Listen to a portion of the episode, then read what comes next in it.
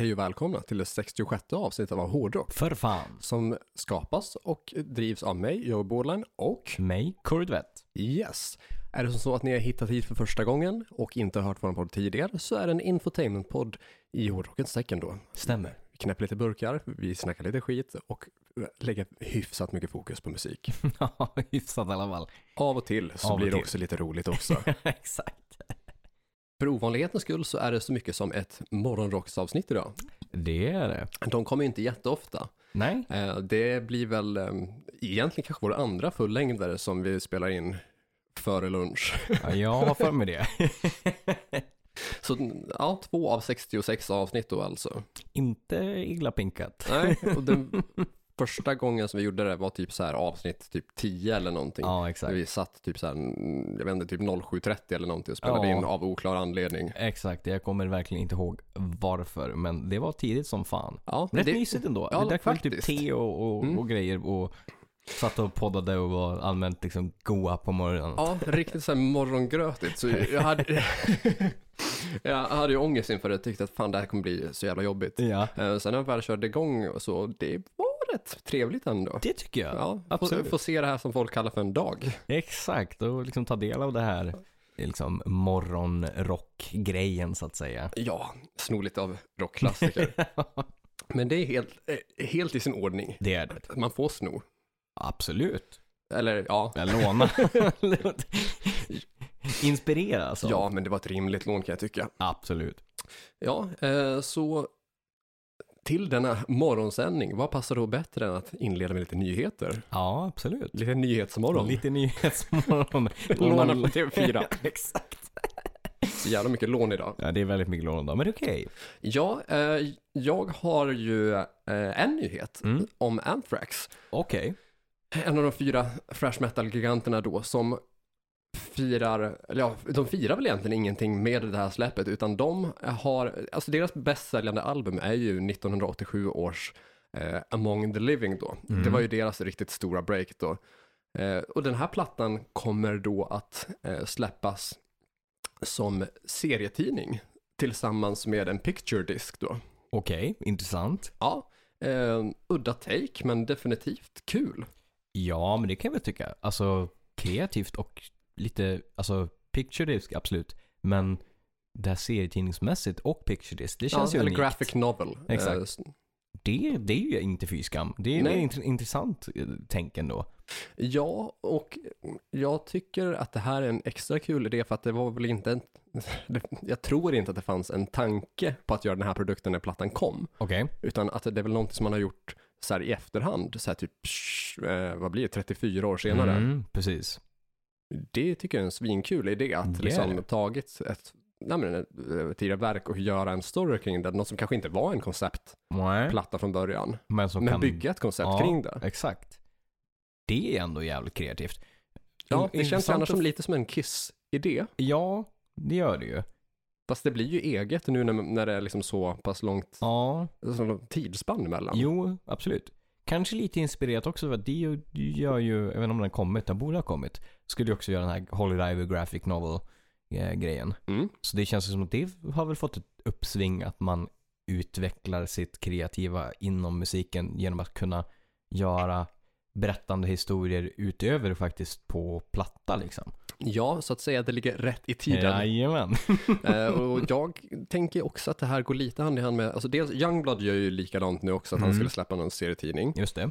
Och eh, sången från My Chemical Romance, det är han som har gjort eh, tv-serien, nu ska vi se, vad heter den, den eh, med actionhjälte, den Umbrella Academy.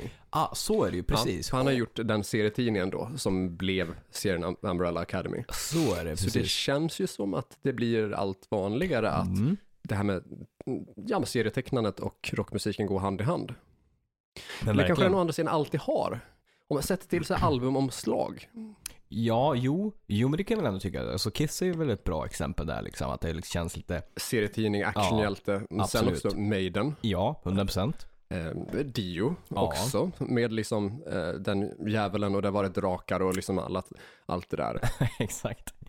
Lite grann Priest också, Ja. om vi tänker albumomslag som typ Painkiller, Mm. eh, Scream for Vengeance, alltså att Ja. det är ja, men, så kraftfulla, färgfulla eh, Mm. och ganska så stora Ja, omslag. ganska liksom, ja men precis, mycket tryck i dem, mycket Mm. liksom eh, eh, Alltså ritat för hand och liksom hela den grejen. Så det känns ju väldigt så här, old school, klassisk serietidning av något dylikt. Ja, Liksom. exakt. Att det har varit fokus på tecknande i Mm. någon form istället för typ. Ja, absolut. Eh, och så även eh, en bit in på 90-talet också. Jag tänker typ andra vågens black metal. Mm. Där med band som Dissection och Mayhem och liknande. Och även typ Bursum. Att det är mycket typ så landskap och sånt som tecknas av. Ja, jo men så är det ju. Så ja, tecknandet och rockmusiken känns naturligt kopplad. Det tycker jag. Ja, nej men så Anthrax kommer med eh, limiterad picture disc Mm. av Among the Living med tillhörande serietidning då. Men ja, det kan ju absolut vara värt att kika in. Jag tycker att det låter jävligt intressant. Vad har du för nyheter att erbjuda? Tänkte faktiskt haka på just när vi, en nyhet som faktiskt inte stod med på min nyhetslista men som ändå jag kom på nu när du sa, eller pratade kring liksom ritat eller tecknat och så. Halloween har ju som sagt, som vi pratade om tidigare, ska släppa singel nu i april. Mhm. Och de släpper på själva plattan i juni.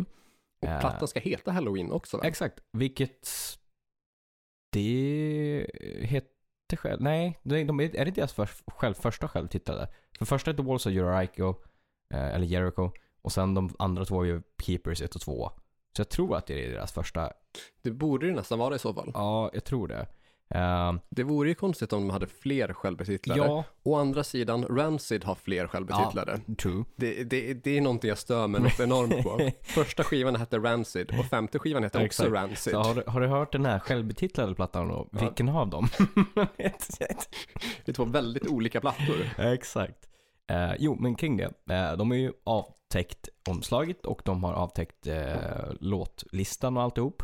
Eh, Omslaget är svinsnyggt. Det är så jävla snyggt. Vilket jag ska komma till också att nu, de, under lång tid har de ju haft väldigt mycket, enligt mitt tycke, ganska B-omslag. Väldigt mycket animerade, eller ja, inte animerade, men alltså digitala. De har gjort liksom i, i, Q, eller inte QBS, i typ Photoshop och sådana grejer liksom. Eh, det, ja, det här är ju ritat av någon tysk konstnär, vilket är ju, går ju väldigt mycket mer åt hållet som det var ti- tidigare med liksom ritade omslag med Keepers eller Master of the Rings. Så den kändes ju ex... Men den var väldigt, väldigt konstnärlig. Jag gillade den som fan. Det enda jag reagerade på, eh, förutom eh, liksom, eller att det var positivt med omslaget, att det var så snyggt, var väl att om man nu har gjort det med konstnären, varför la man in den digitala loggan uppe i hörnet? Kunde man inte konstnären ha ritat den också? Jo, det är sant. Den det... kändes lite så här, jag har Mm. koppat, kop, eller klistrat på den typ. Mm, ja, men jag håller med. Eh, Just den biten hade ju faktiskt kunnat gått att göra så kanske snyggare då. Mm, Att det hade blivit mer enhetligt så. verkligen. Men i övrigt så är det ett svinsnyggt omslag. Riktigt snyggt omslag. Eh, Och detaljmässigt så, ja men den hintar om mycket eh, så här tidigare verk. Ja, Det är liksom som att det är sju stycken nycklar Exakt. som syns flyga upp i bilden. yes. En liksom subtil hint till Keeper of the Seven Keys. Exakt.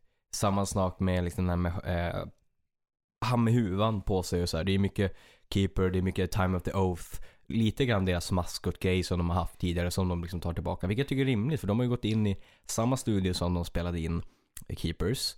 De har kört mycket analogt som det var förut. De har spelat in på samma trumset som Ingo, det vill säga deras originaltrummor som dog, som var med från första plattan och alltihop. Så det är rimligt att man då gör det alltihop mer analogt yes. och mer liksom åt det äldre liksom Mm. och faktiskt gå mer Gå tillbaka, tillbaka till till sig själv. Exakt. Jag tycker det är fint. Jag, Det som man så ofta hör om. exakt. Så jag är jättetaggad på det här. Jag tror Ja. att det kan bli riktigt, riktigt bra. Hoppas Mm. Men det är också tillbaka till rötterna som man vill. Det, ja, det är ju det. Det är liksom, så fort man hör det, mamma, yes. Det, det finns en anledning till att vi kommer göra fem stycken poddavsnitt om debutalbum. Ja, exakt. Det Back är- to roots. Ja, det är ju där som skärmen finns liksom. Ja men så är det ju. Det är ju det som vi älskar med de flesta band. Nästan alla band är Mm. bäst i början. Ja men så är det ju. Hungern och liksom identiteten där Ja. är ju svårslagen. Det är det ju. Det, är alltså det, det finns ju liksom en, en typ en, eh, in, en rädsla som inte existerar utan man liksom vågar breaka new ground och ta för Exakt. sig och go big liksom. Ja men exakt. Man eh, vågar mer för att man riskerar inte att förlora lika mycket. Exakt. Det blir ju annorlunda sen när det börjar komma in mycket pengar Ja. i bild. Då helt plötsligt så då, då blir det svårt att fatta beslut. Mm. Och det är inte alltid man har möjligheten att välja och fatta de besluten själva heller. Nej, nej, utan så kan bli påtvingad att redigera sin konst. Så. Mm. Det är därför vi är väldigt nöjda med att vi inte har så mycket pengar att gamla med. Exakt. Eller att vi inte liksom ägs av något Nej. bolag eller så, här, utan vi styr och ställer. Mm, det är ju fint att ha den möjligheten. Verkligen. Nog om det. eh, och jag tänkte gå till eh, en nyhet som kommer involvera flera nyheter. Jag kommer liksom rulla in på det här. Eh, det första jag ska säga är att Body Count vann ju Best Metal Performance Award på Grammis Yes, med Ice-T va? med Ice-T. Vad, vad tänker du kring det här? Jag tänker att det, alltså så här, Body Count, för Mm. den som inte vet, är ju då rap metal. Mm. Och jag gillar rap metal, Mm. så jag har ingenting emot att de vann Best Metal Performance. Nej. Eh, för det är ju liksom, alltså det är tunga riff. Absolut. Det är det. Det är tunga, distade riff Mm. vi snackar om.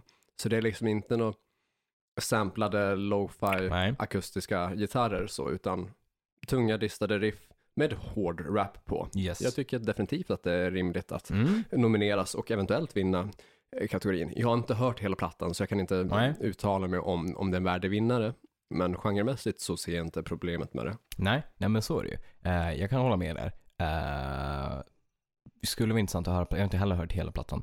Undrar dock vilka som var med i fler nominerade om Body Count liksom vann kontra att säga liksom att det skulle vara, alltså av alla liksom som kan vara nominerade i Best Metal Performance, säg typ Slipknot eller Metallica, liksom så här, att just Body Count vann. Undrar vad de stod, alltså vad de var liksom i kontrast till i nomineringarna.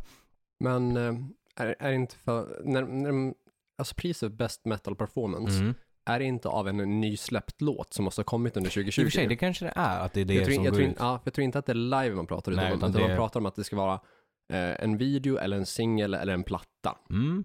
Okej, ja. Och därför tänker jag att Slipknots platta kom väl faktiskt 2019. Mm. Metallica ha- har väl inte heller släppt, i så fall skulle det vara typ en här live släpp ja, då. SMM eller något sånt, två eller Ja. så. Ja. ja. Det känns som att åka, om man, om man ändå är i metal och man är i rap metal, att Corey Mm. Taylors CMFT skulle kunna ha varit med i nomineringarna. För det går ju också lite rap metal, just den låten det vill säga. Mm, mm. Det är ju liksom rap och metal i samma. Så Ja. det skulle ju kunna kan vara att han var nominerad. Eh, Det är inte omöjligt, men där, där skulle jag i så fall, där hade jag i så fall haft lättare att kanske nominera om Slipknot, Slipknot Mm. om Slipknot hade släppt typ kanske någon singel eller musikvideo eller livevideo eller något sådant. Exakt. Eh, vilket inte har stenkoll på om de gjorde. gjorde. Släppte de någon musikvideo under så under 2020? Jag tror inte, inte under 2020, utan där var det väl bara för 2019 kom ju den plattan va? Och, Ja. och 2020 tror jag Men inte de ibland släppte. så händer det liksom att Ja. videor kommer efteråt också. Exakt. För att hålla liksom bandet så här aktuellt. Ja, det kan vara att de släppte, släppte någon. Men det i sådana fall det är bara en. Eh, men jag tror faktiskt inte Jag tror de fokuserade på turné och sen så var det ju mer fokus på uh, Corey Taylors solplatta typ. Ja, det är möjligt. Men eh, alltså så här, det kom ju typ inte svin mycket metal 2020. Nej. Det har ju hållits tillbaka ganska mycket på det. Verkligen. Det var ju mer tänkt att folk skulle ut och turnera liksom. Mm. Som de hade släppt tidigare och så sen så blev inte det. Så menar, då, då, då är det ju back to the drawing board liksom. Ja. Och då blir det snarare 2021 man släpper grejer. Exakt, och de flesta band brukar, alltså i regel brukar folk släppa plattor mot våren. För Mm. att det är rimligt då att turnera det under sommaren. Exakt. Med alla festivaler och sådär. Exakt. Mm. Men så är det. Och då blev det ju så att det var många plattor som fick ligga på is. Det är det ju absolut. Tråkigt. Ja, för jag satt liksom så här och funderade på, okej men vilken annan metal som kom 2020 Mm. Var bättre än Body Count då, eller skulle vara värdiga liksom, Mm. kombatanter eller liksom värdigt motstånd så. Avatar släppte ju sin 2020 och den var ju riktigt, riktigt bra. Eh, Nu har inte jag stenkoll på Avatar, men anser vi att de, skulle de klassas som metal? Absolut, 100%. Okej. Det tycker jag. Eh, men kan ju också vara, alltså de är svenskar så att de kanske inte nådde så långt grammismässigt. Kanske inte lika stor, alltså kanske stor i Europa kontra Mm. USA liksom. Ja, för den biten måste ju också vägas in, att det ska ju Exakt. vara någonting som de, eh, den liksom så internationella eh, Ja. eller amerikanska publiken känner till också. Så är det ju. för att dra hem den typen av pris. Och då kan vi ju inte liksom heller komma med, med vilket svenskt band som helst. Nej, nej så är det ju. Även om det finns mycket bra svensk metal och hårdrock så, Ja. Så kanske det liksom inte säger amerikansk marknad någonting. Nej, nej så är det ju. För oss kan det vara självklart. För Europa kan det vara självklart England. Men Ja. kanske inte USA liksom. Nej, alltså, nej. så är det ju tyvärr många gånger. Men eh, just Grammis har ju blivit extremt kritiserad nu och inte för body count. Har du Okej. koll på vad det gäller då? Nej. Vi, de hyllar ju alltid folk som har gått bort. Mm. Mm. Och då handlar det om Eddie Van Halen. Mhm. Och det är i stort sett hela liksom, rockeliten runt om i världen eh, som är liksom, tycker att Grammis är liksom så fruktansvärt dåligt gjort av dem att de inte tog tillvara på att hylla Eddie Van Halen ordentligt. För Eddie Van Halen är ju ändå en person som har alltså format, Gitarrspelet. exakt, format hårdrocks, hårdrocken, liksom rocken. Ja. Ehm, och hade ju ganska nyligen, liksom, har ju ganska nyligen gått bort. Det, och det enda de gjorde var, de ställde ut hans gitarr, eh, släckte Den ner. eh, rödvit svarta. Ja, exakt, hans klassiska. De spelade 15 sekunder av Eruption och inte ens den snygga delen av Eruption. Nähä. Och det, det är så, bland annat Nuno Bettencourt skrev ju liksom, det vill säga extreme-gitarristen som är heavily influenced av liksom Eddie Van Halen. Ja. Eh, har ju som skrivit ganska bra grejer att ehm, inte nog med att Van Halen var ett så influens, eller stort band, inte nog med att liksom Eddie, Van Halen har liksom influerat så jävla många gitarrister, format industrin, men han har ju liksom inte bara varit liksom en hårdrocksgitarrist, han har ju varit med med Michael Jackson, han har gjort sådana grejer. Ja. Eh, och han skrev ju liksom bland annat så här att Alltså det, det, det är en sån extrem gitarrist att det är liksom genreöverskridande. Ja. Att folk, även som inte är intresserade av hårdrock eller metal, fattar att precis, den här personen vi ska ha, Ja. vi ska ha bra gitarr. exakt. Och att de inte då liksom tog, de, jag menar de nämnde, alltså de hade ju det här segmentet, men i, de, från början när de pratade om vilka som gått bort, då nämnde de inte ens honom. Vilket är helt jävla förjävligt. Uh, och han- eh, Nuno skrev liksom då att ehm, On last night's broadcast it should have been the world's greatest current guitarist up there on stage performing a medley tribute of Eddie Van Halen's greatest moments. And imagine the final with the end of the medley all playing together the guitar solo that got him uh, the Jordan Esquire Global recognition. Uh, the solo that Edward threw down for another king of pop. Beat it. At the very least, uh, if the Grammy didn't want to waste airtime on rock, uh, they could have taken the advantage of Michael Jackson's name and had, for example, Bruno Mars sing "Beat It" with the uh, an iconic guitarist ripping the solo. Vilket är också så här, bara, bara där är det ju liksom, det kan det vara klockrent så här att de Mm. säger, ja men om nu inte jag var fokuserad på liksom rock, då hade man kunnat gjort det på liksom på den grejen.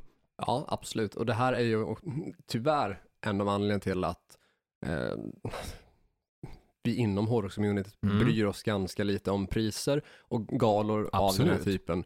För att det är oftast ganska så lågt intresse från deras Ja. sida för våran genre, eller för våra subgenrer. Att det blir oftast, alltså som, som vi nämnde nyss, bara att liksom, det, det måste vara tillräckligt kommersiellt och tillräckligt välkänt för den publiken Ja. eller för det bolaget eller företaget så. Och det innebär ju inte alls för en sekund att det nödvändigtvis måste vara det mest representativa eller bästa inom Nej. genren. Så är det ju. Vilket är ju så här, men om, då är det ju ändå så här, Eddie Van Halen var ju så jävla stor. Och har ju liksom så här, inte bara för hårdrockare som du säger, utan för, alltså välkänd liksom. Folk vet vem man är om även man inte är hårdrockare. De har hört Jump, de har hört Eruption, de har sett den här liksom snubben i You name it, Two and a half men och sådana grejer. Mhm. Och då gjorde han en till tråd med nu när han skrev De har sett Armin van Buren. Exakt.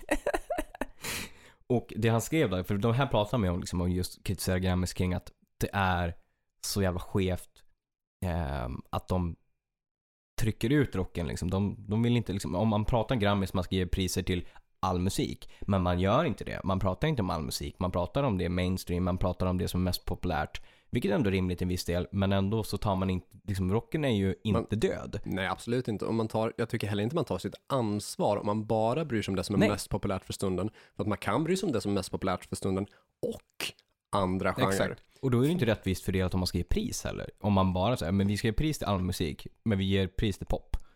Men det finns ju betydligt mycket mer genrer. Exakt. Och är det som så att man alltså riktar sig till musik överlag, Mm. ja då ska man kolla bredare. Exakt. Och framförallt om man vill framstå som seriöst ur ett historiskt perspektiv. Mm. För att det blir ju jävligt skevt om genrer försvinner och kommer tillbaka i Exakt. priskategorier. Bara, "Ja, Men vad, varför delar ni inte ut något pris inom det här, det här Nej, året? nej. Ah, nej, men det var inte så populärt. Fast jo, varför att ni inte tycker Mm. det. Eller det var inte tillräckligt populärt. Nej. Och det han skrev då som jag tycker var så jävla bra var att Look, there are great young bands coming and some great bands still rocking. Rock is not dead and it will never die, but its respect is hanging by a thread. Vilket jag tycker är jävligt liksom on point när det kommer till just hur Grammis hanterar liksom att titta på liksom, ja men det här är vad vi vill ge priser till inom musik. Då automatiskt så säger de liksom att, ja, men för, för i deras åtycke så är det så här, rock är omodernt, rock är död.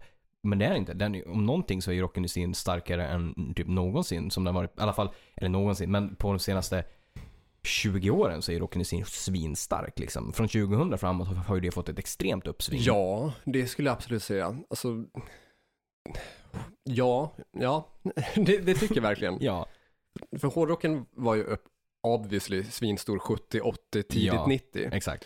Eh, kanske fram till och med 94, om Mm. vi nu anser grungen som en av liksom subgenrerna så, vilket jag anser att det är. Absolut. Eh, men efter det så har vi intresset varit typ märkbart svala, Ja. mm, svalare. Men jag tycker att vi idag befinner oss liksom i eh, ett musikklimat där hårdrocken har en mycket större plats än vad den har haft på Oh, ja. väldigt, väldigt många år. Ja men det tycker jag. Alltså, se, se, se, det ur det här liksom festivaldödsperspektivet med alla de här blandfestivalerna som har kommit, gått, dykt Ja, upp, jo. konkat. Exakt. Eh, Lex, Peace and Love, eh, Bråvalla, Mm. Hultsfred. Sånt som har, har varit det största i några års tid och Precis. sen konkar jävligt snabbt. Ja.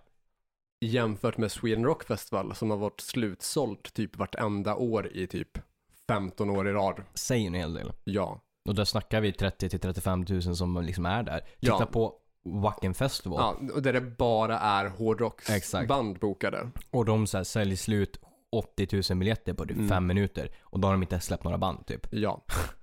Och då pratar man alltså om att det är en väldigt trogen, seriös publik. Oh ja. Eh, både ur ett ekonomiskt perspektiv, Ja. Vilket också, alltså ur företagets perspektiv så är det ju någonting man måste ta eh, hänsyn till. Absolut. man måste ta det i beräkning så. Ja, ja. Eh, men även ur ett intresse och kärleksperspektiv. Alltså det är Oh, ett ja. enormt engagemang för den här typen av Ja. musik. Verkligen. Som man liksom, ja men bara rycker på axlarna åt. Det, är liksom helt sjukt. För att det inte är mest populärt. Nej, Nej. men det är väl typ näst mest populärt. exakt. Om man tittar Metallica säljer fortfarande Mm. deras fem mest populära plattor säljer liksom x antal tusen varje vecka fortfarande. Och de plattorna släpptes för typ så här 35 år sedan. Typ så här. Ja, Det är liksom säger ju en hel del. Men det är någonting som Jeff Scott Soto skrev också, alltså Talisman och så. Eh, just kring att eh, Edwin Hens son har ju precis släppt en singel som heter Distance. Med en musikvideo som är så extremt rörande till hans pappa. Varför kunde, ni, varför kunde inte hans son liksom tagit in honom och spelat typ den musikvideon eller you name it. Och han fick faktiskt förfrågan att vara med. Läste jag. Men, men han tror jag inte vill, ville göra det. Eh, och då hade de sagt, ja men okej, men vi kommer ändå så här hylla honom. 15 sekunder. Det, och sen ni nämnde han inte ens i början när ni pratade om vilka som har gått bort i år. Bara, hur, hur tänkte ni här? Så han var ju extremt besviken över att liksom de inte dels hyllade sin, sin far, men också hyllade en ikon som har varit liksom så, så stark inom communityn, men också utanför communityn. Så Mm. Grammis alltså, gjorde ju en rejäl fucking tabbe där. Inte förvånande, men ändå liksom så här. Här hade ni ju faktiskt kunnat gjort någonting bra av och det hade ju ändå gått inom ramen av vad ni tycker är dött liksom. exakt. Det hade det. Så att ja, surt sin helvete. Ja, tyvärr inte jätteoväntat. Nej, verkligen Men inte. jävligt tråkigt. Från det till en annan roligare grej. Eh, jag, eh, det har cirkulerat ett klipp med, eh, från en eh, trummis. Han är max 18, han är runt i tonåren. Okej. Ehm, från Indonesien. Som eh, spelar, som är så extremt duktig och spelar på så här, han har byggt sitt egna trumkit, så här homemade. Eh, och spelar så här Dream Theater-låtar och det, det, det är så jävla bra liksom. Han är liksom så här teknisk Portnoy. Och där har det cirkulerat och folk har taggat Portnoy och du vet så här, skickat till Portnoy hur länge som helst. Det här måste du kika, det här måste du kika. Och han har byggt sitt egna trumset på typ så här. Och det låter ändå rätt hyfsat. Han har byggt det på typ så här skräp. Jaha, Alltså typ så här soptunnor. Han har gjort sig egna hemgjorda cymbaler. Han gjort. okej. Och så här, ja det låter ju inte. Så det är Saint Anger. Fast ändå lite. Han har bättre virvel än Det säger en Det alltså det är sjukt när man kan bygga ett bättre trumset själv. Exakt. Grejer du har i köket. Ja, eller hur? Och nu har det nått Portnoy. Så Portnoy har ju liksom så här, via sina eh, sponsors, alltså typ Sidjan och liksom Tama eller you name it så här, eh, sett till att de eh, skickar honom ett helt nytt trumset. För att han tyckte att han var så jävla bra. Bara, du, du ska ha ett riktigt trumset. Så Fan, vad vi, kul. via sina sponsorer har han fixat så att de skickar iväg så att han får ett riktigt, riktigt, riktigt trumset. Det är ändå såhär Svinbra. wholehearted liksom. Ja, alltså sånt här värmer ju hjärtat. Eller hur? Det är ju skitfint liksom. Och liksom, han är ex- jag fattar inte så här, han, han har blivit så jävla duktig och alltså vi snackar så här, han, han, sp- det låter som, alltså det låter som Portnoy vi tar till, men alltså det, det är ju riktigt professionellt spelat att spela typ så här Dream Theater-låtar på ett hemmagjort jävla trumset liksom. Klart han ska ha ett riktigt trumset. Definitivt. Alltså, det är, alltså, Dream Theater är inte lätt musik att Nej. spela. det är det inte. Så att liksom ha lärt sig den musiken och inte haft tillgång till något annat än just de trummor man byggt hemma. Exakt. Det är ju sjukt imponerande. Faktiskt. Ja, big ups. Big ups. Eh, Till uh, Port- Portnoy också. Ja, 100%. Det är, det är fint. Han är en genuin person att man ändå gör så. Inte bara... Ja, men det känns som Portner och typ Dave Grohl hade kunnat gjort likadant. Typ. Ja, ungefär de två. En annan rolig grej som jag upptäckte. Jag såg Tony Martin hade delat en grej. Eh, det vill säga före detta sångare i Black Sabbath. Sjunger på Hell's Cross och The Shining och så. Och Tyr. Och Tyr, stämmer. Eh, I Sabbath-videon The Shining så hade de en kvinna eh, och på kvinnans axel så, så hade de i musikvideon en kråka. Jaha. Eh, kråkans eh, namn var Nelson. Och, Bra namn på Yes. kråka. och Nelson eh, blev betalad, det vill säga kråkan, blev betalad dubbelt så mycket som Tony Martin för att vara med i musikvideon. Fan vad sjukt. Det är så jävla sjukt. Rimligt liksom. vad var betalningen då? Jag- Alltså jag gissar ju att de, så här, den som ägde kråkan fick betalt. Mm. Men ändå liksom. Vad fan. Royaltiesmässigt liksom kontra så här, du får betalt för att med din kråka i musikvideon liksom. Dubbelt upp så mycket som sångaren bara, ja okej, tack för den. Hårda tider att leva i. Eller hur? Men så där kan det ju tyvärr gå när, alltså Ja. i, i vissa fall, när man står och väljer mellan, ska man få en procent av kakan eller ska man få en klumpsumma? Ja, exakt. Inte alltid lätt att liksom, Avgöra vad som är bäst där. nej. Um, Och på, på tal om klumpsummor Ja. och procent, alltså sånt här som är kul, är ju att nej, nu ska vi se nu. Ehm, jo, Christopher Lee spelar ju Saruman i Mm. Sagan om ringen-trilogin. mm. Rollen erbjöds ursprungligen till, eh, vad hette han första? Sean Connery. Just det, yes. Ja, Sean- Connery som spelar James Bond Yes. i de första typ, Sean Connery. Ja, i de första typ så här eh, Bond-filmerna från då eh, 62 Ja. till och med 71 minus 69 där man hade George Lazenby. Eh, bortsett från den så han blev ju erbjuden rollen som antingen Gandalf eller Saruman i Sagan om ringen. Mm. Någon av de två liksom major troll, trollkarlarna ja, där yes. då. Eh, och erbjöds då 15% av intäkterna för hela tri- trilogin. Ooh, det hade varit mycket pengar. Det är svinmycket pengar. Det hade varit så satans mycket pengar. Ja. Eh, alltså plus en klumpsumma då. Eh, Så Ja. det är liksom så här standard klumpsumma för eh, skådespelaren plus 15% av intäkterna. Yes, och han tackade nej på grund av att han tyckte att procenten var liksom att det inte kommer gynna honom. Nej men alltså han eh, fattade liksom inte riktigt grejen med S- Sagan om ringen. Nej, såklart. Så han, han tackade nej. Mm. Fick eh, Christopher Lee samma summa eller? Nej. Nej, okej.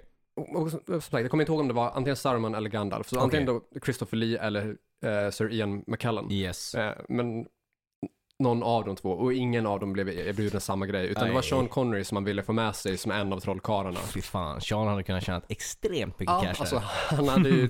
Aldrig behövt jobba någonsin Nej, igen. alltså han och borde inte kunna... hans familj heller för den delen. Frågan är om han inte hade kunnat bli typ miljardär nästan på... Ja men absolut. Alltså tittar man på hur mycket som Sagan om ringen fortfarande tjänar och hur mycket de drog in bara de första åren.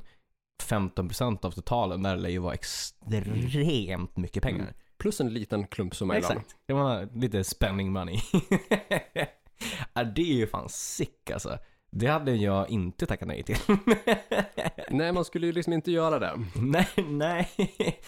Nej men det är klart, kanske svårt att veta exakt hur, hur hårt det skulle slagit. Men ändå liksom, vad fan, det är ändå 15. Det, det kan ses som en br- bra investering. Även om det inte blir mycket pengar så är det ju fortfarande cash liksom. På ett jobb. Ja, det är det ju på alla sätt och vis.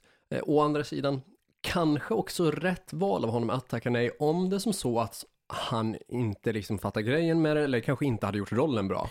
Nej, så är det absolut. För att då blir det ju liksom att en av main-karaktärerna blir avsevärt mycket sämre. Ja, ja, så är det ju. Och jag Och nu faktiskt, när jag jag har svårt att se alltså, han som Mm. typ Saruman Ja, faktiskt. och nu när jag tänker efter, det var nog ändå Gandalf som han... Okej. Ja, För det är den större av de två rollerna. ja så Och är det. 15% för Saruman-rollen kanske, det lite Ja, det kan, ja, exakt. Gandalf är ju ändå större roll. ja. Så att, men jag är, då är jag extremt tacksam att Sean Connery tackade nej för jag menar, Han hade inte kunnat leverera samma värme som Ian McKellen. nej nej nej, han är helt magisk Ja, så jävla mysgubbe. Riktig mysgubbe. Uh, men Morfardrömmen. Mor, åh gud ja. sista eh, nyheten innan det är min sista, eller näst sista blir för min sista är mer relaterbar till mig själv. Ja, så det är sista innan sista. Det stämmer bra. Eh, Lou Ottens, eh, han som uppfann kassettbandet, har dött. Jaha. Eh, han- Nu lät det jättepositivt. Exakt, se där ja. Jaha, var helt enkelt över att jag visste inte vem Lou Ottens Jag var. visste inte jag heller, men jag läste det liksom och eh, ja, det är väl tråkigt. Eh, och vi tackar väl honom för att han uppfann kassettbandet för att jag menar, det är kanske inte världens bästa ljud, men det är ändå en viss charm i det. Jag Det är ljud. Det är ljud. Och jag har spelat väldigt mycket kassettband i min eh, gamla Toyota eh, från 88. Har du det? Jajamän. Jag har knappt spelat kassettband alls. eh, jag hade, jag hade kassettbandspelare i, i den. Eh, som, alltså, jag tog över den bil- bilen från farfar. Eh, så att det blev, jag plockade fram, pappa hade massa kassettband med typ Bon Jovi och Skid Row grejer. Så att Ja, jag mysigt. spelade på den tills att kassettbandspelaren gav upp. Så det blev så How I Met Your Mother med Exakt. 500 miles. Det blev verkligen så här. Jag, satt, jag hade satt i liksom bilen typ en sommar eller en vinter, sommar tror jag. Och så stoppade jag in Bon Jovi så bara Fan vad konstigt det här låter. Så här, fan vad mörkt han sjunger. Och så blev det bara mörkare och mörkare och mörkare och långsammare. Exakt, jag bara jaha. Och sen så bara slutade den. Så att det, var ju tråkigt men det är ändå i, inte fy skam. Men min sista då. Vi har ju, som sagt vi sa ju att det ska komma två versioner. Eller ja, det kommer en andra version av Save Noise. Eh, och vi har nu släppt två nya artister där också till version 2. Vi har släppt Andrew Freeman som sjunger Last in Line och The Offspring. Det är inte fy skam. Absolut Last in inte Line är ju med Vivian Campbell och Jimmy Bain tror jag. Ja, det är väl Dio Precis, Eran de- från Last in Line-skivan. Exakt, precis. Det är de. Så det är fan ingen inte fy skam. Och så har vi släppt en person som heter Nalle Colt som spelar med Vintage Trouble. Ehm, så att det är absolut, vi fyller på line-upen med, med fina, fina artister. Riktigt fina artister. Stora namn. Ja, det är det absolut. Men det... Nej, just jag hade en sista där. Bra att jag kom på det. Så sista innan sista innan sista. Sista innan sista innan sista innan sista. jag skulle... Eh, jag hittade ett band eh, som är, kallar sig för Death and Roll. Det vill säga, alltså det blir inte mer death metal än så här, säger de om sig själv då. Men det var ju ett roll med också. Nej, exakt. Hörde jag tydligt death där. and Roll. Ehm, de... eh, Det finns en låt där som de har som heter To Hell. Som jag tycker är, det är bra produktion, det är riktigt melodiöst. Det är ungefär typ så vad man vill att death metal ska vara. Typ så. Vi snackar lite tidig In Flames typ. Ja, det, Typ, och är det har möjligt. så här melodiska vi- death metal-hållet. ja, och med, med tidig, vi pratar ungefär, alltså inte svintidigt men typ säg 99-2000, vi Exakt. snackar typ, typ lite Clayman-aktigt. Exakt, ja men Mm. precis. Eh, så det, det blir liksom en, en sista lilla nyhet där, men det blir också ett litet tips. Lite tips. Lite tips. Psst. Du, Corey. Corey här. Nästa gång du ska tipsa om någonting kan du ju säga vad du tipsar om också. Inte bara vad de spelar för genre och hur de beskriver sig själv. Bandet vi, eller jag tipsar om rättare sagt, heter The Generals och de finns på Spotify och YouTube. Det är bara att söka på dem. Vi ska ju prata om varför vinyl. Eh, det ska vi absolut göra. För det är veckans tema vi ska gå in på nu va? Det är det. Och då är veckans tema varför vinyl. ja, Och det självklara svaret är då varför inte vinyl? exakt. det är inte svårare än så. Det finns ju så oerhört mycket att uppskatta och älska med vinyl. Oh ja. Och så oerhört lite att uttala sig kritiskt om till vinyl. Ja, men det, det tycker jag. Okej, det finns några få, fåtal saker. ja. Eh, men lite intressant kuriosa och också Mm. sånt som är viktigt att veta först om vinylen och Absolut. vad detta fenomen, detta format innebär då.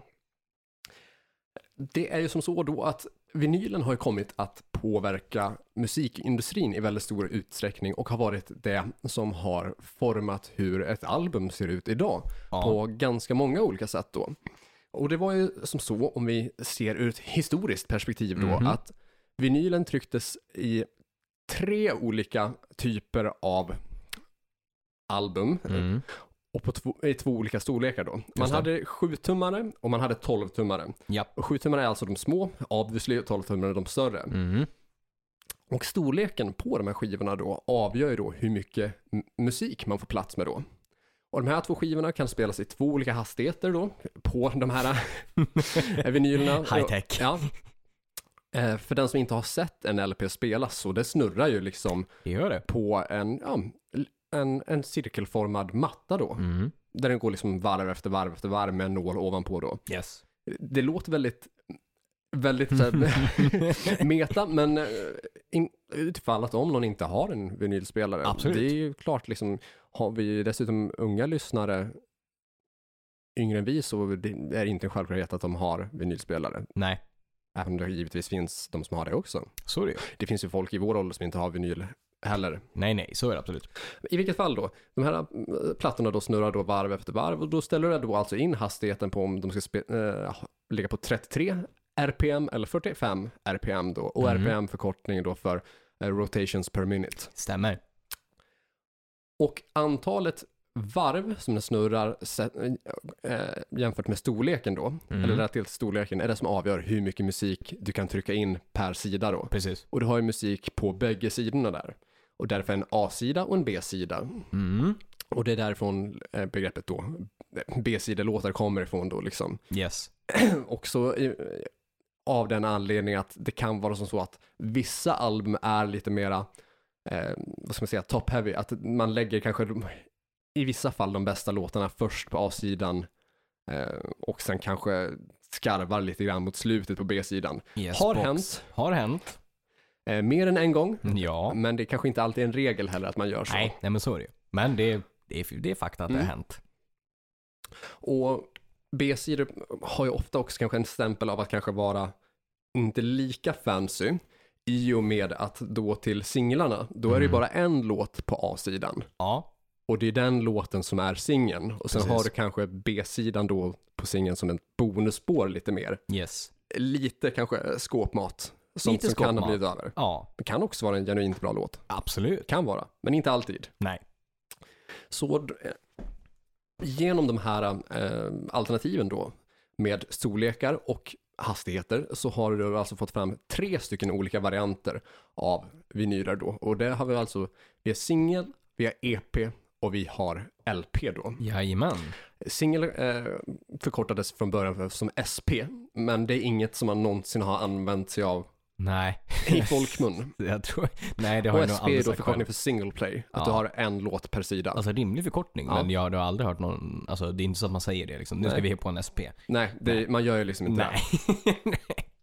Eh, utan där har man ju sagt singel hela tiden. ja. På samma sätt som att det är ingen som någonsin har sagt det fulla namnet för CD. Det är aldrig någon som har sagt att de ska spela compact disk. Förutom i Confess-avsnittet där jag envisades med att skona in compact disken. Eh, så Utöver singeln Mm. så hade du EPn Mm. som var extended play, Mm. vilket då var fokus på att ja, men då fick du ytterligare en låt per sida då. Rimligt. Och sen så hade du då eh, LPn då som är long play, Mm. där du fick det dubbla då.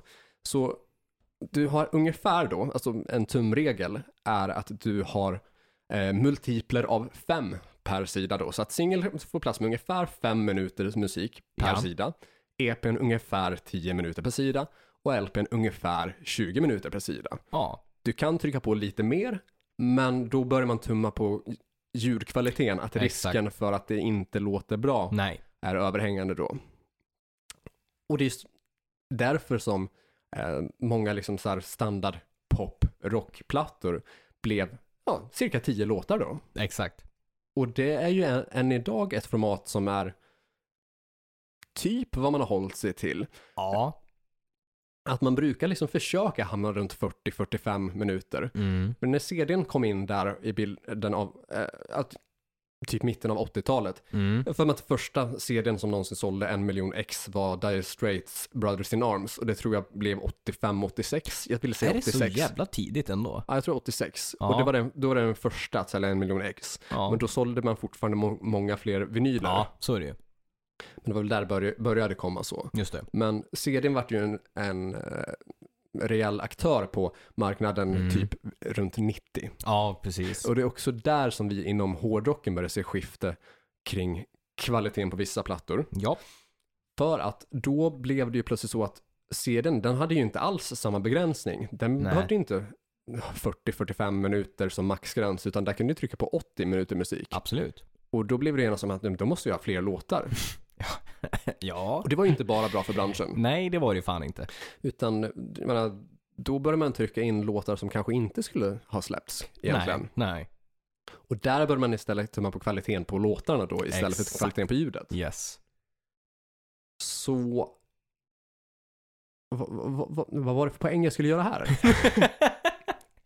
vi snackar kvalitet, vi snackar vinyl och vi snackar CD. Ja, Att vi tummar på Ja. ljud och hur vi tummar på... ja det, det var någonting där. Jag hade någonting vettigt att säga. Ja. Men ja, ni, fa- ni fattar poängen alltså. Det, ja, men så är det ju. ja, sen kom man ju då på i och med det här med sedeln då att Yes. mängd är inte alltid lika med kvalitet. Nej. Så efter en tid så gick man ju tillbaka mer mot det här som man har idag. Att man Ja. börjar försöka hamna allt mer på 40-45 minuter istället för att ligga på en timme eller mer Mm, absolut. när det inte finns material för det. Nej, det är jävligt dumt att ligga på den- den tiden Mm. om man inte har skrivit liksom så många bra låtar utan bara fyller ut det. Det fyller ju in, det fyller ingen funktion.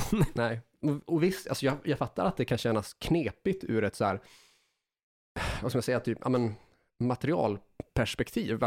Ja men det får plats 80 minuter, men vi använder bara 40.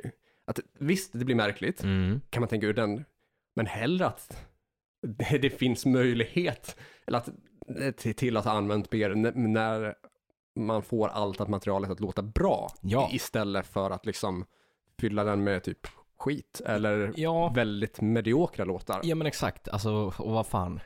Poängen är väl att man, lika väl som vinyl som CD, att man ska lyssna den rakt igenom. Och om man då ska lyssna den rakt igenom så är det ju jävligt skönt att låtarna håller samma kvalitet liksom. Det är ju, alltså visst, CD är ju lättare att byta låt.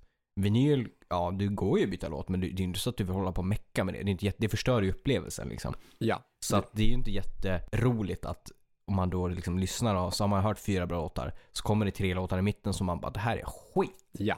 Och det var väl typ det man upptäckte. Och därför så har man eh, så här i efterhand nu eh, justerat sig Mm. lite mer mot vinylen och kommit fram till att fan det var nog ganska bra ändå när det var 40-45 minuter musik. Exakt.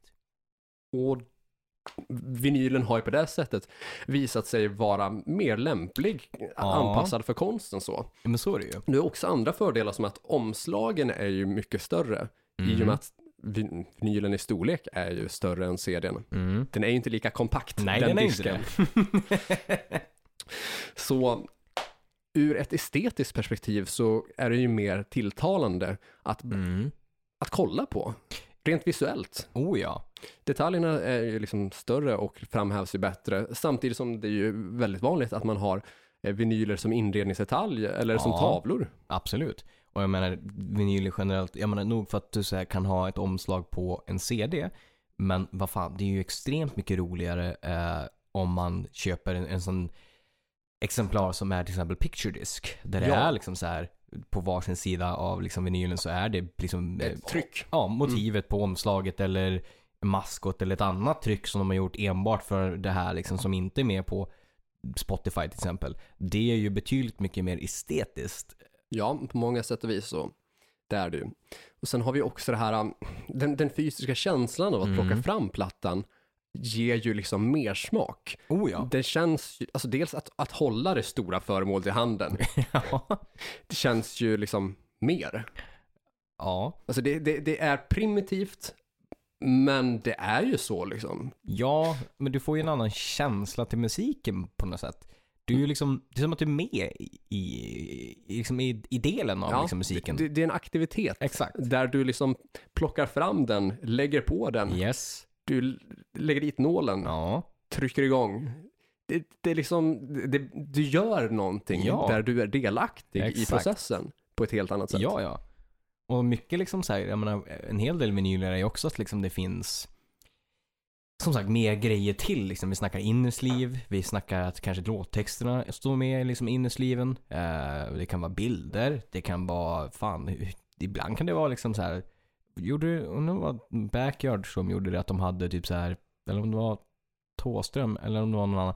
Vilket som, det finns fler, flertal ex, ex, exempel där man har typ så här en liten fotobok med. Aha. Där det är liksom dels låttexterna. Så tänk typ, eh, ja men som i CD, där man kan ha liksom den här bookleten som kommer. Mm. Där det liksom, ja men det är bilder liksom, man- man bläddrar liksom så här. Fast i ett ännu större och mer fotografiskt liksom Ja. eh, konstmaterial typ. Det finns ju väldigt mycket mer att man kan göra som är tilltaligt för lyssnaren. Att bli involverad i det här är vår platta, det här handlar om, var med, läs, läs på. Ja, det finns så mycket mer spelrum Oh för ja, vad man kan göra med produkten. oh ja. Det, det håller jag definitivt med om att det är. Och det är ju liksom en av de många saker som är charmiga med vinylen. Ja, ja. Eh, Och ur ett historiskt perspektiv finns det några saker till som jag tänkte där vinylen har varit del av att forma branschen och hur liksom så här vinylens historia har påverkat musikhistorien och så. Mm. Och där tänker jag liksom tempot på musikindustrin har Ja. sett helt annorlunda ut också. Oh ja. Sett till typ så här 70-talet där liksom många av de första hårdrocksbanden började. Och några av de första metalbanden började också. Så där, där var det inte ovanligt att du släppte två LPs om året. Nej, det är sant. Så att det kom liksom 8-10 nya låtar per släpp då. Mm. Och det här var, ju någonting som bara var aktuellt under 70-talet. Eh, Sabbath gjorde så, Mm, Kiss gjorde de. gjorde så, eh, Led Zeppelin gjorde så. Och det, Jajamän. det var liksom den, den tidens tempo. Jajamän. Det förväntades komma liksom en, en ny LP var sjätte månad typ. Vilket man då också sålde liksom. Ja. Det var ju inte så att man liksom överpresterade utan det, det såldes ju därefter. Ja. Medan man då sen på 80-talet, början där, Mm.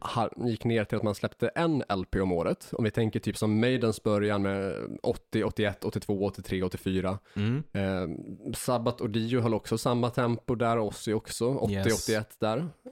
Eh, och det var liksom så som industrin fungerade. Men det som hände där vid 1980 Mm. och 1981 där är ju, vi pratar MTVs framfart. Ja, ja. Då var man helt plötsligt nöjd med en platta om året. För att Yes. musikvideon var ju den nya heta. Exakt. Så Och då, då kunde kun- man ju marknadsföra artisterna med, på det Exakt. sättet. Och då kunde man ju trycka ut två, tre musikvideos. Och Exakt. får man in de två, tre på MTV, ja men då tjänar du ju cash via den saken istället Yes. liksom. Då är fortfarande aktuell på det sättet. Ja. Och då kan du släppa en musikvideo före skivan och Ja. en efter. Ja.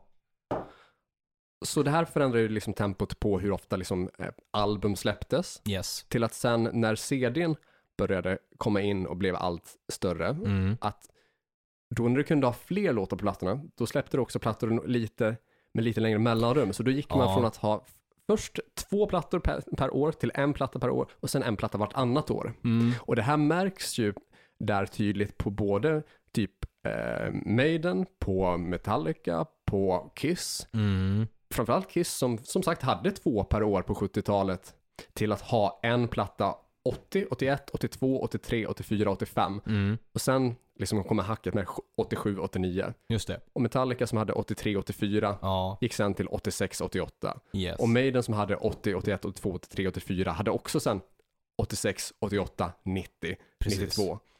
S- Så det här Det är ett genomgående ju, liksom tema där. ja, hur vinyl kontra CD påverkat branschen då. Oh ja. Så det är lite historik ni behöver känna till. Det är väldigt bra historik att känna till. Jättebra historik om jag får säga det själv. ja, det tycker jag. Är det något mer vi tycker är viktigt för våra lyssnare att veta om vinylen? Bortsett från hur fantastisk den är. Ehm, Jag kan, ja, jag kom på en grej. Vi pratade ju om liksom A-sida och B-sida Mm. vinyl. Men det finns ju också C och D. Eh, när man Ja, när det är liksom, dubbel Precis. Vilket också så här, du kan köpa en vinyl för, ja men en ny vinyl eh, för 200 spänn. Mm. Och det är en platta som, vi ser att Maiden, de har väldigt långa låtar. Ja, precis. Och då har man då liksom för att hålla kvaliteten på A och B så skaffar man också C och D. Precis. Mm. Vilket är ju väldigt mycket skiva för, alltså i liksom fysiskt, för pengarna. Ja, Vilket absolut. också är väldigt kul. Och vilket också är roligare för då har man ännu mer man kan göra som till exempel Jag har en vinyl av In Flames eh, som var, ja men det är deras, deras senaste. Eh, jag tror att den heter eh, I am the mask. Ehm, och Mm. den har, den är fyra skivor, eller det är två skivor. A, B-sida, C och D-sida. Och de är picture disc. Så Okej. på varsin sida så är det ett helt nytt motiv. Som inte är samma motiv som omslaget, eller baksidan på omslaget. Så det är ju väldigt, väldigt mycket liksom eh, fysiskt för pengarna. Och den var inte heller, typ 250 spänn. Ja. Skitnice liksom. Värt. Väldigt värt. Alla dagar i veckan. Eh, Den sista detaljen jag tänkte flika in med där var ju också att när man då på 70-talet framför allt och även början tidigt på 80-tal liksom släppte både singlar i fysiskt format och eh, ja, eh, LPs i fysiskt format Mm. så produktionskostnaden var nog ändå ganska hög för att göra en singel. Ja. Sett till att du ska ha ändå omslag och en hyfsat stor liksom svart kaka att Mm. slänga på så jämfört mot liksom så kostnaden för att vad det är att trycka ett album. Exakt. Eh, det är klart att det är skillnad i liksom så här inspelningskostnader, men att trycka det är nog ganska same egentligen. Det tror jag. Så då var det vanligt att alltså, singlarna också kostade, alltså inte lika mycket, Nej. men de var inte svin mycket billigare. Att det var, typ en LP kunde du köpa för, eh, om vi, nu, nu tar jag den information som jag vill minnas att jag har läst på baksidan av Yes. Okej från Yeah. 80-talet. Ja. Då att, ja men typ ny LP kanske låg på kanske 99, medan ny singel låg på kanske 49 eller 59. Ja, ja, 49 Så, så, rimligt. ja, så att det är ändå liksom halva kostnaden av ett album. Och då Mm. var det vanligt att hade du köpt singeln, då kanske den, de låtarna som var på singeln, då A och B-sidan, inte alls var med på plattan. Nej, exakt. Och det var ju något, ett koncept som både Ebba Grön och Imperiet hade i sina karriärer, som jag vet åtminstone gäller från 77 till och med 86. Mm. Thåströms karriär därifrån hade, det hade inga av albumen med liksom de låtarna som singlar. Nej. Så, så singel, singelsläppen fanns inte på album. Det kan jag ändå tycka är rimligt för det priset liksom. Ja, men, Annars så är ja, det ju 49 spänn för för vadå? två låtar som du är med på plattan som du ska köpa liksom. Ja, exakt. Då är det ju roligare att få någonting helt nytt. Precis, så det, det fyller en helt annan funktion där. Ja.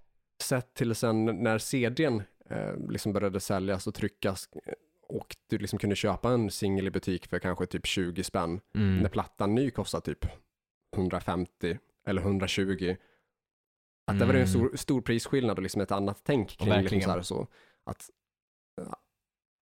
man behövde liksom inte tänka på samma sätt riktigt. För liksom har du lagt halva summan av ett album, Ja. kanske inte riktigt värt. Ja, det kanske inte blir lika attraktivt och inte heller värt det för den delen. Nej, det var den sista Nice. kuriosan jag tänkte slänga in om vinyl. Nu har ni lärt er extremt mycket. Jag vill säga att ni hörde det här först, men då fan, Google finns ju. Men, eh, fast ni kan ha hört det här först om ni aldrig har, hört de här grejerna tidigare. Nej.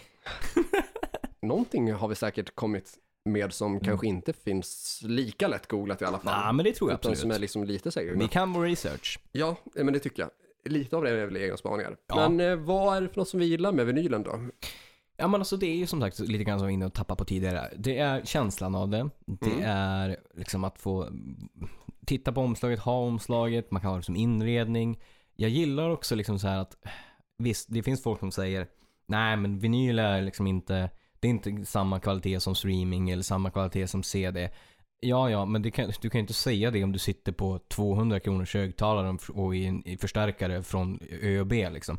Det är också roligare med vinyl att man kan nörda ner sig i hi-fi. Du kan liksom du kan köpa förstärkare, du kan köpa högtalare, du kan köpa liksom analoga grejer och bygga ditt eget ljud på ett sätt. Du har ju Mhm. grundljudet i vinylen, men du kan också bygga det varmare, kallare, du kan bygga det mer hi-fi, du kan mer sub, mer bas. Du kan bestämma hur du vill bygga ditt liksom, ljudsystem och hur du vill liksom, framkalla vinylen. Jag menar, jag har läst grejer som så här.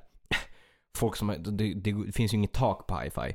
Folk Nej, som har köpt så här miljonkronors högtalare och förstärkare och, och hur de hur de liksom beskriver dem, hur liksom i sitt jävla rum som de har ljudisolerat liksom sitter och lyssnar på en Beatles-platta från 65 liksom eller något sånt där. Och bara, ja man hör liksom så här rummet de spelade in i och du vet så här, det, det finns ju inget tak på nörderi. Men Nej. det är också det som är det fina med det, att du, du får bygga ditt eget, typ din egen identitet med det. Det är inte så här förbestämt Spotify, så här ska det, så här låter det. Det är komprimerat, det är digitalt. Här får du bygga din, din egen identitet. Det blir som att vinylen och så blir det en ut, inte utsträckning av vinylen rätt. Liksom man förlänger armen av det hela liksom. Ja, men det är lite grann som att liksom inte bara ha beställt rätten utan Nej. typ stå i köket med alla tillgängliga ingredienser. Exakt. Och det jag tycker det, det är charmigt liksom. Och sen liksom äldre skivor. Visst så här, ja men ja, det knastrar. Ja men vad fan samtidigt så Det är ju charmen. Exakt, och typ exempel spelar jag en vinylplatta av eh, som jag har fått av min pappa eller som jag har lånat av min pappa eller stulit av min pappa. Som man ju gör. Så- Sorry dad. Min Eh, far har inga bra vinyler hemma. Ja. ja, men min pappa har ett gäng kvar. Eh, bland annat original Appetite-omslaget. Men, eh, vad ska jag säga? Jo, eh, det här knastret liksom, det berättar ju också en historia om typ så här hur han, de har spelat den här plattan på 80-talet på någon fest och man hör liksom knastret är till för att Ja men du vet så här, du råkar spilla en öl någon gång och du har tvättat av och du vet så här, det, det finns liksom en en charm, Historia. Exakt, en charmig historia kring att den här Mm. skivan har varit med. Ja, någonting som förklarar varför det är kast. Exakt. Man minns bara, ah, det är mitt fel. Exakt. Vad ska det knastra här? Nej, Nej. det hände en grej. Någon jävel ställde en ölburk på den. Ja, men det är lite så som med ett, med ett trevligt R liksom. Exakt. Så det är väl typ det som, som jag känner är charmen liksom det, att det, det, det, det är en identitet. Ja, alltså det är det ju verkligen. Det finns så mycket mer uttryck i den. Ja. På så många olika plan. Till ljudet, till storleken, till känslan.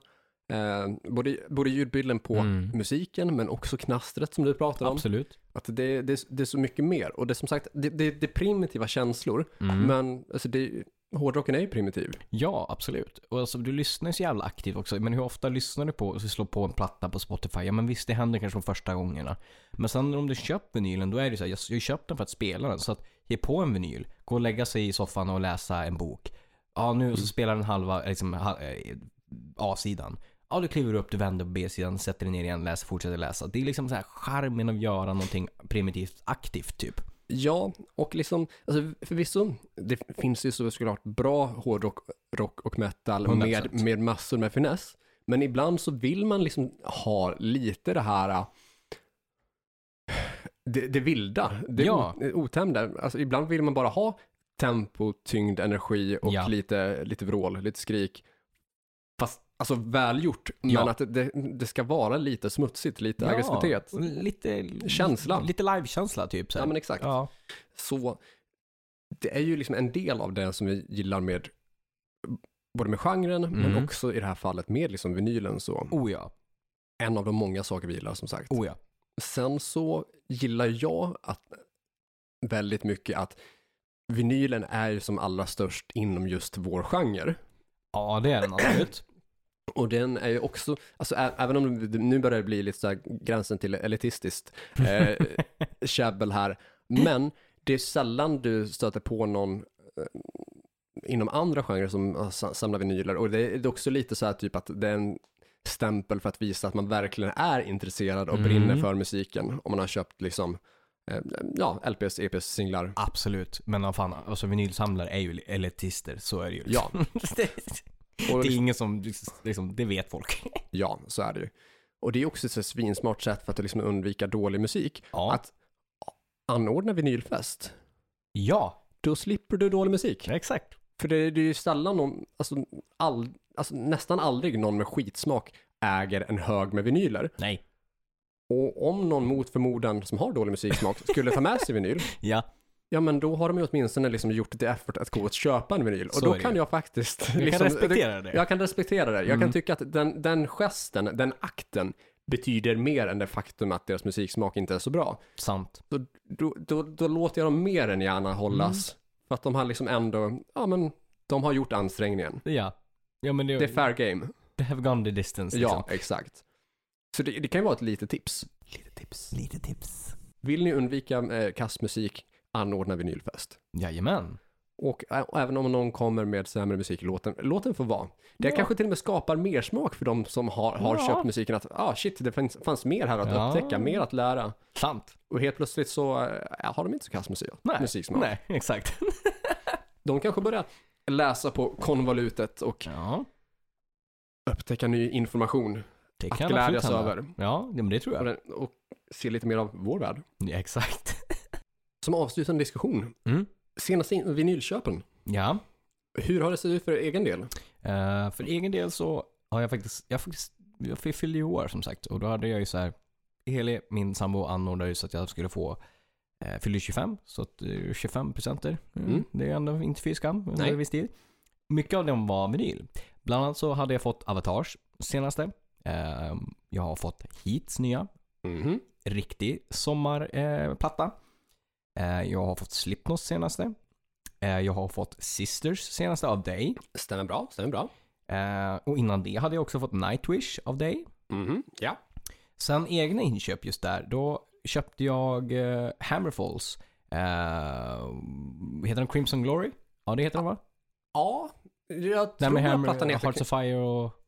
Alltså, så här, ett, ett, tror det finns en låt som heter Crimson Thunder, men jag tror att plattan heter Crimson Glory. Ja, Kan det vara så? Ja, jag tror Eller om det heter Crimson Thunder. Heter den Crimson Thunder? Ja, det kanske den gör. Ja, men Har de en platta som heter. Glory to the Brave? Ja, det tror jag Eller att de har. är det Manowar?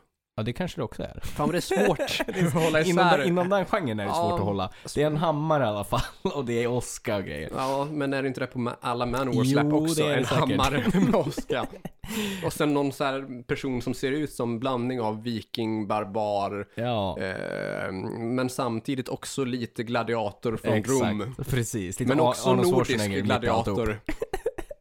Men den hade jag köpt och den var på en eh, jävligt snygg splatter, eh, typ så här lite blå, vit eh, splatter, liksom så här, eh, ja, extremt estetiskt. Ja, splattervinylerna är så jävla fina. De är riktigt Eh, nice. fan, där, där måste jag bara snabbt Ja. inflika med att Stranger Things-vinylerna på Splatter är så jävla snygga. Brutalt Eh, de som är blå, röd, svarta. Ja, Ganska sällsynta eh, slutsålda i butik, Mm. eh, så att de går ju för riktigt höga summor på Oh, ja. Ebay. Det är ju inte ovanligt att de ligger runt, alltså närmare tusenlappen typ. nej visst. Men de är så jävla snygga. De är extremt estetiska. Eh, innan det var Iron Man Rock and Rio. Uh, tror att den var också dubbelvinyl. Uh, och köpte till Heli, min sambo, köpte jag Bring the Horizon senaste. Eh, och två sista innan där, eller var Steve Lukades soloplatta från 90, 90 eller 91. Brutalt bra platta. Och fick också i vinylpresent av Heli Green Days eh, American Idiot heter den va? Mm. Ja. Så det är väl de senaste som jag kommer på där. Eh, blandat gammalt och nytt. Ja, det är väl lite så man vill ha det. Mm. Det är väl lite så våra musiksmaker ser ut också. Absolut. Mina fyra senaste, alltså de som har blivit nu eh, det här året typ Mm. då. Med, med ett visst litet undantag. Jag förbeställde ju Sisters Vengeance United Yes. som släpptes nu i slutet av februari. Mm. Men jag förbokade den i december. Ja. Så sett till, sett till plattor som har kommit i år.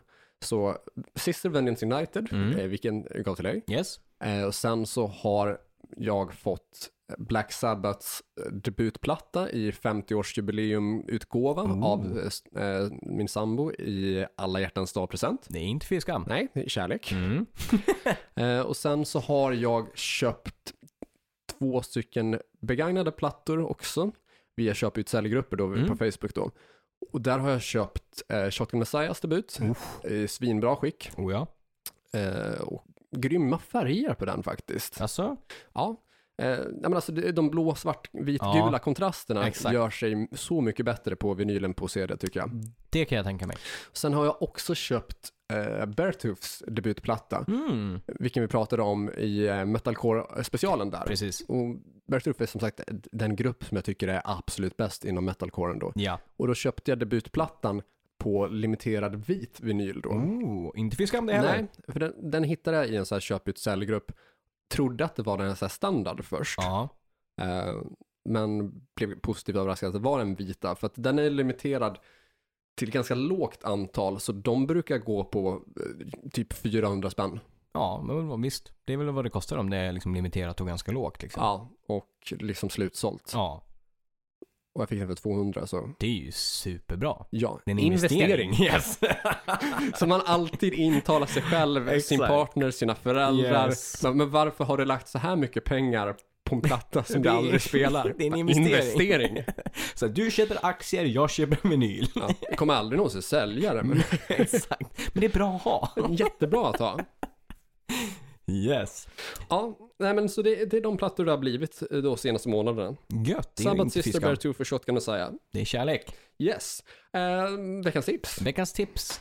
Eh, Jag drar till med eh, en app som heter Discogs.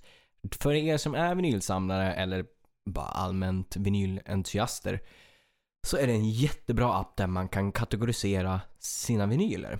Man kan enkelt läsa in eh, via kameran, eh, läsa in eh, barkoden och få då upp exakta vinylen, lägga till den i sin lista. Det blir kategoriserat A till Ö. Eh, man kan också se hur mycket, hur många man har. Man eh, kan se hur mycket, eftersom att Discogs också är en sida där man kan köpa och sälja vinyler, så kan man se, så räknar den på vad den ungefärliga vad den säljs för. Och så Ja. räknar den på, om du har 600 vinyler, så här mycket är din samling eh, värt som lägst, medel och högst.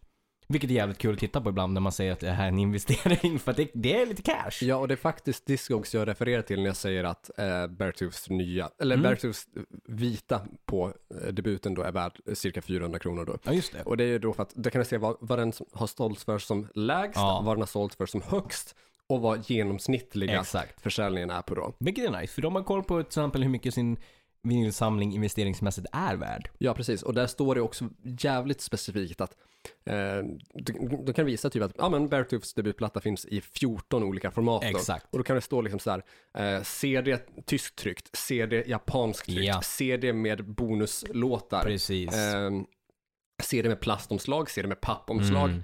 vinylen med Yes. svart, vinyl med vitt, vinyl med guld, vinyl tour edition. Ja. Så där kan du då också sortera specifikt för varje Oh, ja. så enskild ja, men, möjlig utgåva, vilket är är, svinbra. Så vi rekommenderar Discogs. Verkligen. Och som sagt, är man samlare överhuvudtaget, alltså allting som är typ musikrelaterat går att lägga in där. Vinyl, CD, eh, VHS till och med, kassetter. Så det är, det är kul att liksom, så här, är man samlare och gillar musik, get it. Ja, värt. Mitt veckans tips är ju då som sagt att ha vinylfest. Jajamän! är det liksom så att du umgås med folk som inte lyssnar på jättebra musik, ha vinylfest. Det tycker jag. Anordna det. Gör det nu. Gör det nu. Fast inte mer än åtta personer. Nej, exakt. håll, håll restriktionerna. Efter Consus Caballos. Det var det vi hade för idag. Det var det vi hade för idag. Ehm, Ni ska följa oss på våra sociala medier. Gilla vår Facebook-sida när ni söker hårdrock. För fan. Eh, Följ vårt Instagram, nej, vårt YouTube, eh, vår YouTube-kanal där vi heter hårdrock. För fan. Våra Instagram-konton där du heter vet ett ord och du heter? Joey Borderline, ett ord. Skicka mail till hrffpodcast.gmail.com. Vi har fått vårt första hot, mordhot. Det har vi. Det har vi. Det får vi inte glömma. Nej, så shoutout till vår första mordhotare. Tack, det värmde. Det värmde sin i helvete. Ja, det är uppskattat Jack. Eh, skicka fler mordhot till oss till hrffpodcast.gmail.com. Och stötta oss på Patreon. Dra till med en dollar, eller två, eller fem, eller tio, eller 25, eller hundra. på H, nej vänta nu, patreon.com slash hrffpodcast. Ni får massor med bonusmaterial, bonusavsnitt, bilder, klipp, text. Allt ni vill ha. Ja, eh, kan vi hitta på fler format där så kommer det också. Jajamän. Eh, nytt avsnitt nästa vecka. Tack så fan för att ni har lyssnat och ännu mer tack till er som är Patreon och håller oss flytande. Fram tills nästa vecka, lyssna på hårdrock. För fan!